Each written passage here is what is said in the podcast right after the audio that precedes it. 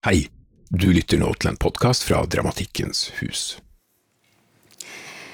My name is Daisy. I am a PhD research fellow at the University of Agder.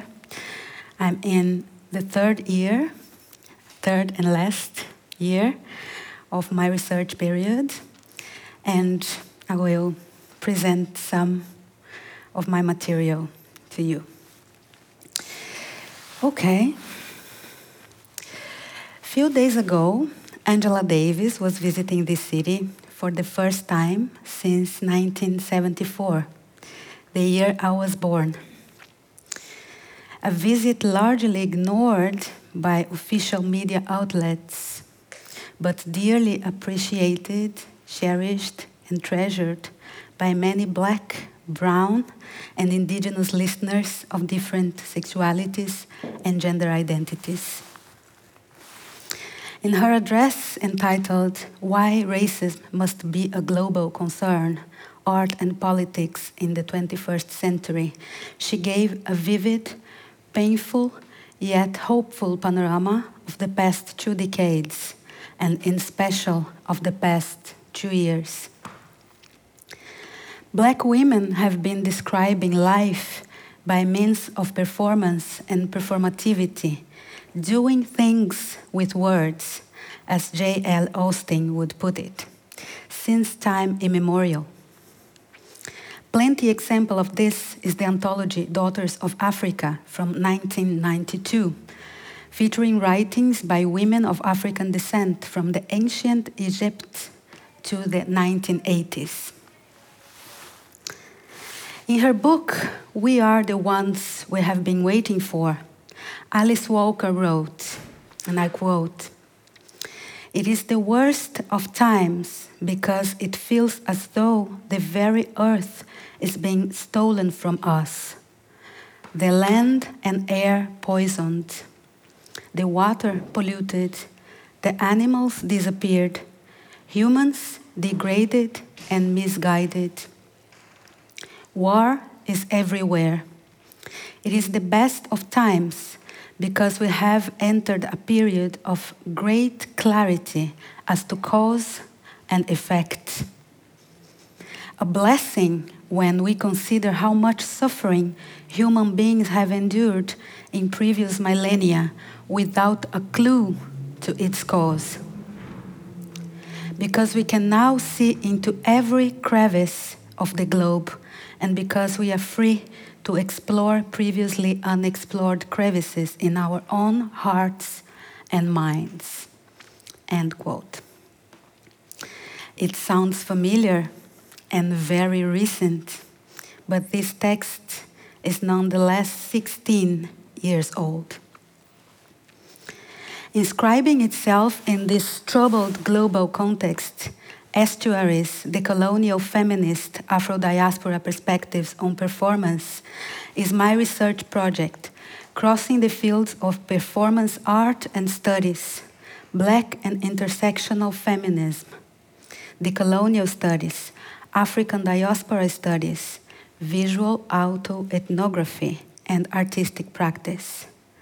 But more than anything, it is an artistic research project.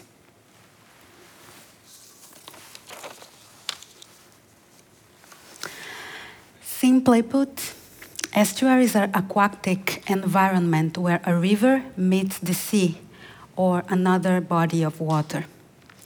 This metaphor is a key concept in my project.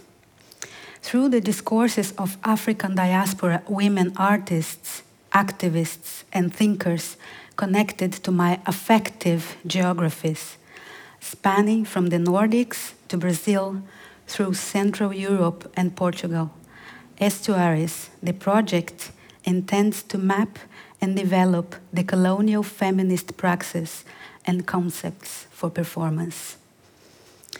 The project connects to burning social issues born in the wake of coloniality and colonialism.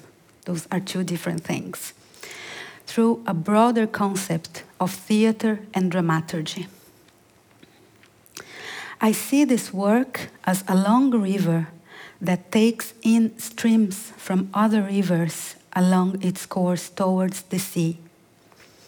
The sea being the immense corpus of the colonial knowledge produced by black, brown, and indigenous women, femmes, and queer people around the world, across history.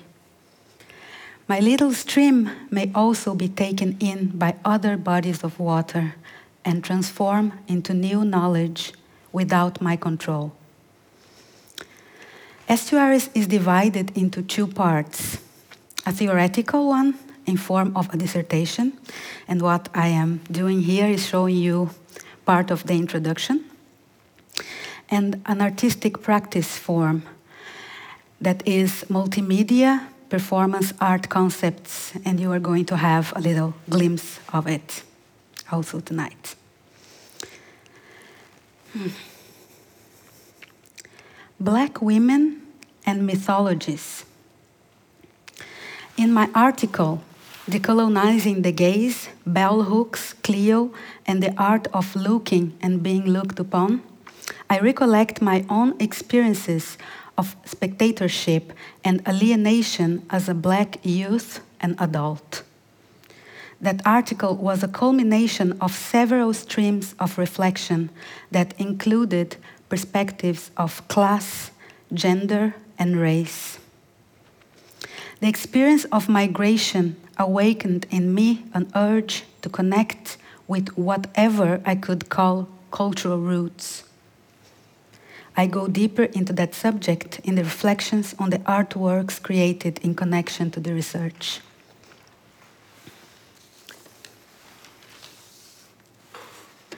In the beginning, I turned to recollections of the music and dances I grew up with. Afro Brazilian expressions. Afterwards, I started to look around in search for mirror images in cultural events, in the arts, at school, in media. They were, however, rare finds. Looking for my reflection in the stories conveyed in institutional spaces have been painful, and I found solace in the memories, presence, and texts of black women. In that landscape, I connected deeper to those women articulated their heritage through Afro centered technologies and practices. In Afro Brazilian traditions, we sometimes speak about masculine and feminine entities. That may lead to oversimplifications of the philosophical framework around those traditions. Minna Salami has stated that tradition has been one of the obstacles for the liberation of African women. And that's also true in the diaspora. In the mythology of the Orishas, one of the main aspects of Afro Brazilian tradition as I studied in my master's thesis about the sacred dances of Brazilian candomblé, deities such as Iemanjá, Oshun, and Yewa are understood as typically feminine. They reign respectively over the seas, fresh waters, and sources. Nanam, Buruke, Oba, and Oya, other also so called feminine orishas, connected respectively to the swamps, tidal bores, and winds, are often described as less feminine according to the interpretation of the myths following Euro Western schools of thought.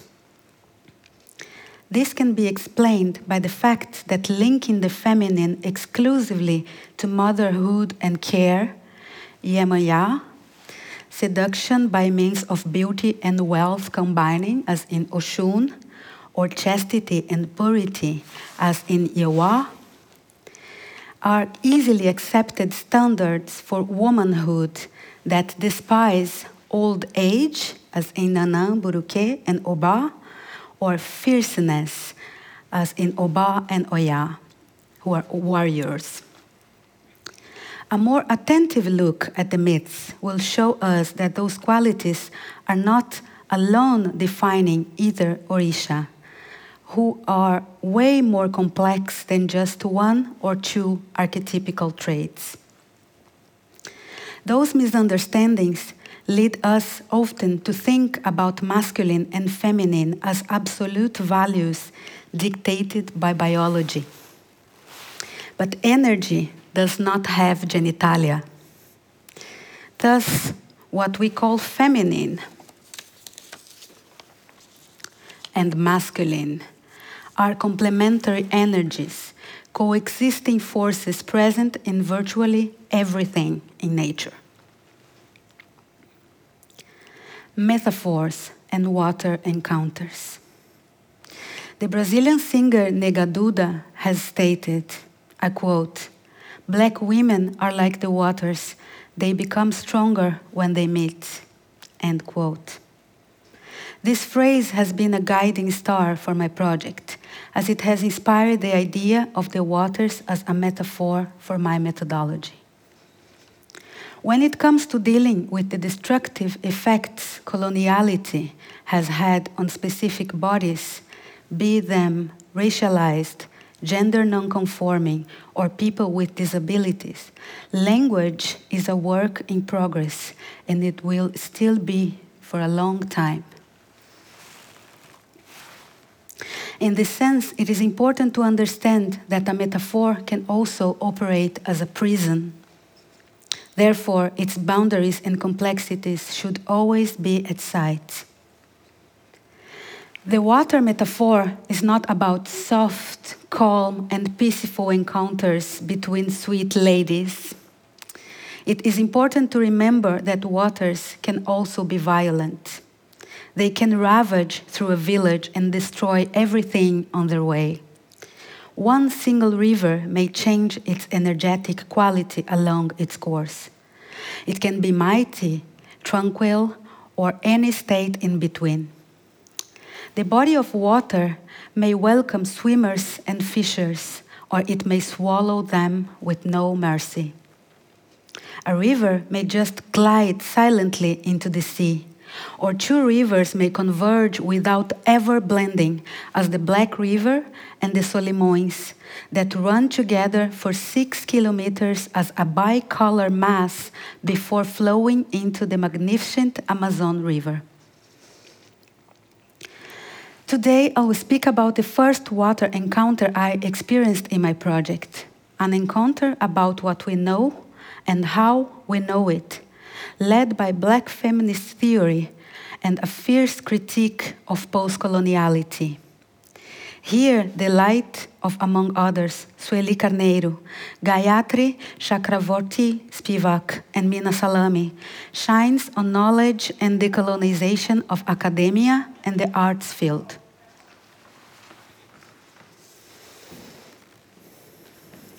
The three years that form the time frame of this work were marked by a series of events that I see as landscapes my river runs through. A global virus outbreak has deeply affected the very way in which we live, work, and produce goods, knowledge, and art. Black Lives Matter, natural catastrophes, war. Estuaries, both in nature and in my project, may well be about negotiating spaces and power. One of these spaces is epistemology, or notions of knowledge. The times of Corona, as we have got used to call the historical period we are still in, are marked by phenomena that have the potential to make us seriously question our ways of being and interacting. The depths of this experience seems already to be forgotten by the media, but it is crucial to look at this context as something we will use the next years to unpack and understand. Social distance, quarantine, isolation, the extreme workload of healthcare workers, massive contagion due to lack of protective equipment, the collapse of the health system in Madrid, Milan, New York, Sao Paulo, the helplessness of the slum populations in India and Brazil, political leaders who used the pandemics to carry out genocidal projects, and totalitarian acts towards their people. Racism against Asians in the West, racism against Africans in the East, the flashing of mind blowing wealth in the strategies of self protection of the world's most privileged. Massive production of social media entertainment content, fitness videos, celebrity challenges. Everywhere, people trying to find ways to cope. Solidary initiatives to help the poor, stressing the collective solitude in some of the most socially vulnerable areas of the globe. Those phenomena expose extreme inequality, limitless greed, increased exploitation of work craft, structural racism, class marginalization, and genocide of black and indigenous peoples. We seem to have already forgotten all of this, although this is my very first lecture without audience restrictions in a very, very long time. None of this is actually new. We have seen it all before. Social movements all over the world have been speaking about these problems for decades, but often they have been dismissed as victimization from minority groups. It is first now that the dirt has hit the Western upper middle class fan that privileged people are showing signs, very weak signs though, of awakening.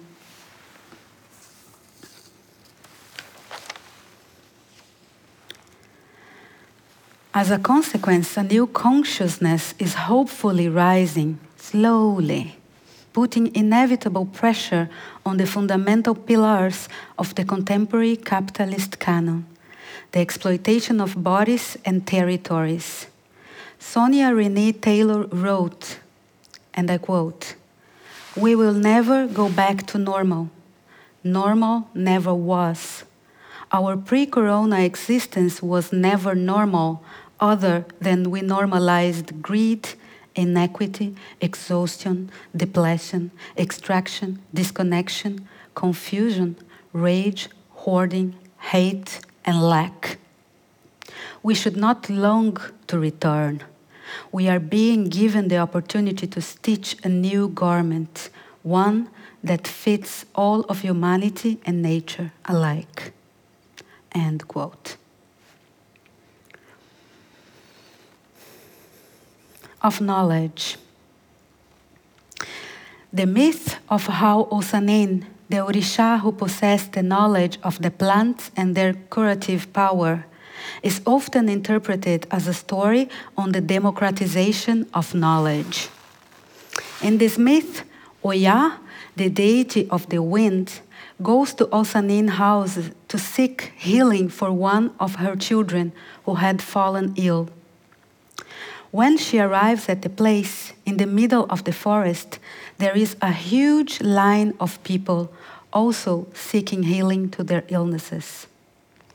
After long waiting hours, Oya's impatience becomes fury. She then starts moving her body with so much vigor that the leaves Osanin used in, in his remedies were spread all around. At this moment, all the other orishas came to help collecting the leaves. Osanin wanted his leaves back, but Olorun, the supreme deity, decided that each orisha should keep the leaves they had collected, also acquiring the knowledge about those specific plants. Osanin still knew the secrets of all plants, but from that moment on, each Orisha became an expert in one type of leaf. This myth goes to the very core of the conversation on the validity of indigenous knowledge. We are used to assume that the conceptualization of what came to be known as the transcendental properties of being, among them truth, as in science or philosophy, beauty, the arts, and goodness, spirituality, originated in ancient Greece and were further developed by European thinkers in the Middle Age, such as Thomas Aquinas.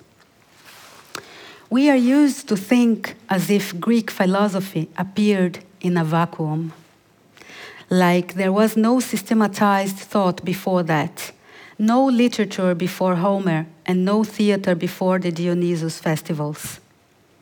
We are used to stick to one perspective and to see and define reality through that lens, but that is simply not enough.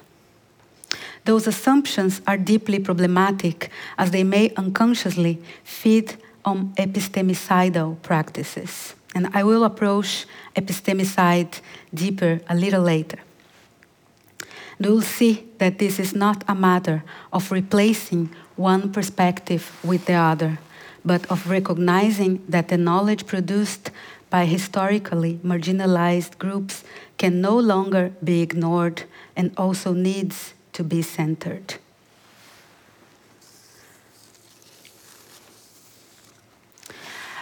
As virtually everyone who grew up in a colonized country, I was socialized and educated following the Western paradigm of knowledge. In her book Outside in the Teaching Machine, Gayatri Spivak departs from conceptual tools coined by Jacques Derrida to formulate a fierce critique of cultural studies and post colonial academia. She speaks about the impossible no, meaning the impossibility of fully rejecting a structure one critiques, yet intimately inhabits which, according to her, is a deconstructive philosophical position that is inherently made of elements that exclude each other. Despite the inner conflicts, one still belongs. It makes me recall something my theater master Eugenio Barba says a performance always contains its opposite. Black diaspora, feminist scholarship, is full of such instances. In her manifesto for poetry as a tool for liberation, Audre Lorde spoke of the white fathers when quoting René Descartes, playing, placing rational, rationality and feelings as complementary values. Sueli Carneiro and Bell Hooks have developed work departing from the thought of Michel Foucault. Maria del Guadalupe Davidson has researched the work of Gilles Deleuze. Nevertheless, the centers of their activities has always been black women's experiences and legacies. A black feminist approach to knowledge.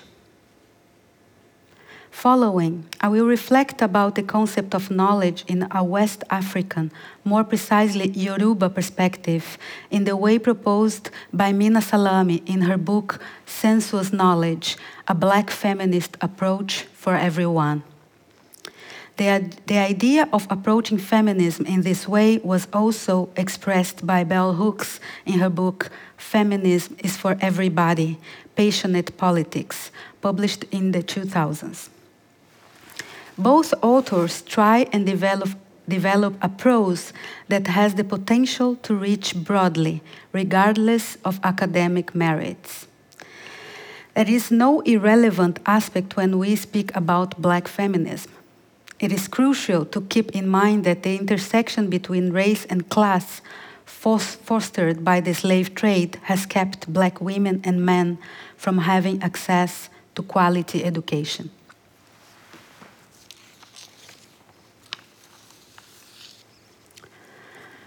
Minna Salami starts the first chapter of the book entitled Of Knowledge by giving an account of the Yoruba myth of the creation of their first city, Ife, in present day Nigeria. This mythology is very much alive in the diaspora, as I just mentioned. Due to the preservation of the heritage brought, for instance, to Brazil and Cuba through slavery. The myths are in the base of a spiritual practice where different deities, each one with power over realms of nature, such as forests, seas, rivers, and swamps, as well as human activities such as hunt, metallurgy, medicine, agriculture, and warfare. Above all, the deities called Orishas have power over life and death on earth. According to this version of the primordial myth, in the beginning there was the sky, the god Olorun, and the sea, the goddess Olokun, and the Orishas. Obatala, the Orisha of creativity, asked Olorun for permission to create land and living beings, which he was granted. Thus, Ife was created. When Olokun found out that the city was built in her realm without her permission, she took revenge by creating a flood that completely destroyed Ife. Once rebuilt, the city became prosperous, but the feminine energy remained out of balance, creating an eternal struggle between the genders. The deities attempted to correct this imbalance by bestowing two values upon humankind Ogbon, knowledge, and Phronesis, practical wisdom. But knowledge should come from both the heart and the mind. Therefore, Ogbon was further divided into Ogbon Ori and Ogbon Inu, meaning respectively knowledge from the head and knowledge from the gut. The ideas Minna Salami dives into in sensuous knowledge speak to the core of the crisis we are in. A crisis of the epistemologies forged in the oppression tried colonialism, capitalism, patriarchy, of what Salami calls Euro patriarchal knowledge. By presenting a non Western mythological narrative that offers a broader understanding of the nature of knowledge, while exposing how the Euro-patriarchal model falls short in face of human complexity, Salami proposes a definition of sensuous knowledge, a realm that is both rational and emotional, mental and embodied, thought and felt. The concept sensuous is borrowed from the poet John Milton, who coined it to create a distinction between the idea of sensuality while keeping the connection to the senses and the body. The way we may experience works of art is an example of this type of knowledge.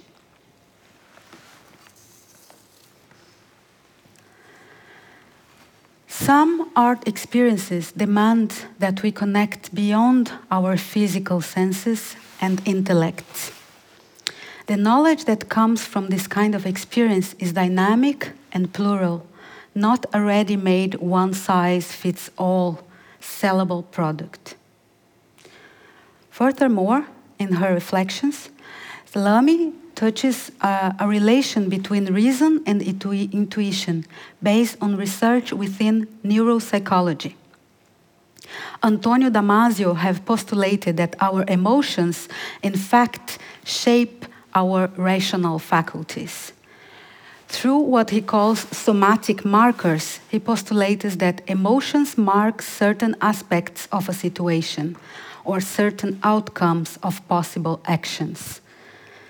Somatic markers are our emotional experiences, and they play a role in intuition, the sort of rapid cognitive process in which we come to a particular conclusion without being aware of all the immediate logical steps.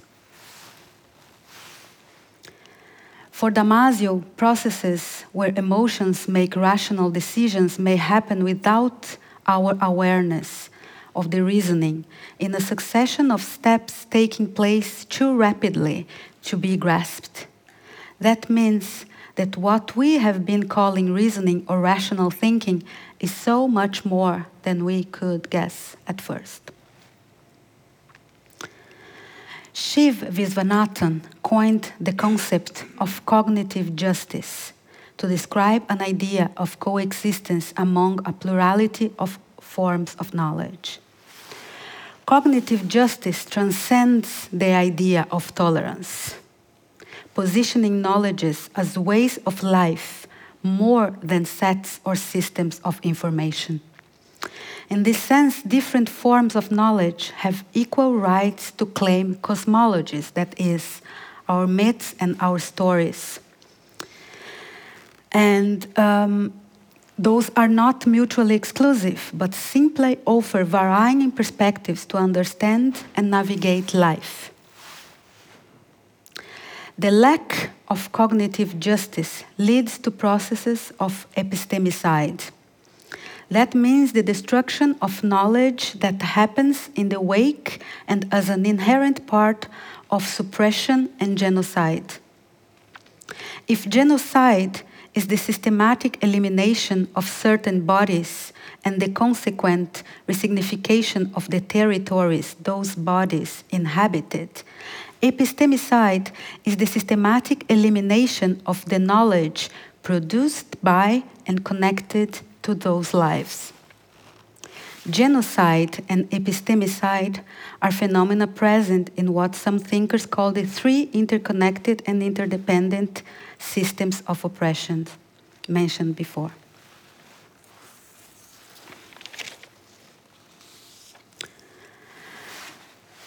Sueli Carneiro expla explained, and I quote, the educational apparatus has been constituted in almost absolute way for the racialized as a source of destruction of cognitive capacity and intellectual confidence. It is a phenomenon that occurs due to the lowering of self esteem that racism and discrimination provoke in the school routine by denying blacks and indigenous the condition of subjects of knowledge through the devaluation, denial of erasure of the contribution of, for example, the African continent and the African diaspora to the cultural heritage of humanity. By the imposition of cultural whitening and by the production of schools, failure and dropout. We call these processes epistemicide. End quote. As uncomfortable, uncomfortable as it may be for many to personally relate on a structural level, Western education and art institutions are deeply permeated by intersecting systems of epistemicide. There has been in certain circles great resistance to the idea of decolonizing academia and arts, including art education programs. Decolonizing in this context is understood as, for instance, recruiting non normative people when it comes to a series of identity markers, such as race, gender, class, sexuality, ability, and so on. Besides, it also includes the study of topics, bibliography, and methods developed by non normative researchers in, from, and in connection to the global south. Decolonizing is about structural change. Critics argue that we cannot throw centuries of great thinking and research in the garbage to replace it with superstition and irrationality. I hear that a lot. Such an idea would, according to them, destroy our universities and art institutions. The discussion has unfortunately been driven by fear, and fear is no good foundation for mutual understanding. Decolonization, as in fixing our interstructural relations and our use of natural resources, is indeed a matter of survival for our entire civilization. That is one of the hard lessons we may be forced to finally learn in our time. This is where I depart from. What I presented to you tonight is an ongoing process. Methods are still being processed. Aspects of more personal character, character were included and then discarded. They were perhaps initially important for me to make clear choices for who and what is at the center. Carried out amid a deep global, humanitarian, ethical, environmental, financial, and political crisis, it does not attempt to be a linear exposure of ideas that sound, that should perfectly fit into existing systems.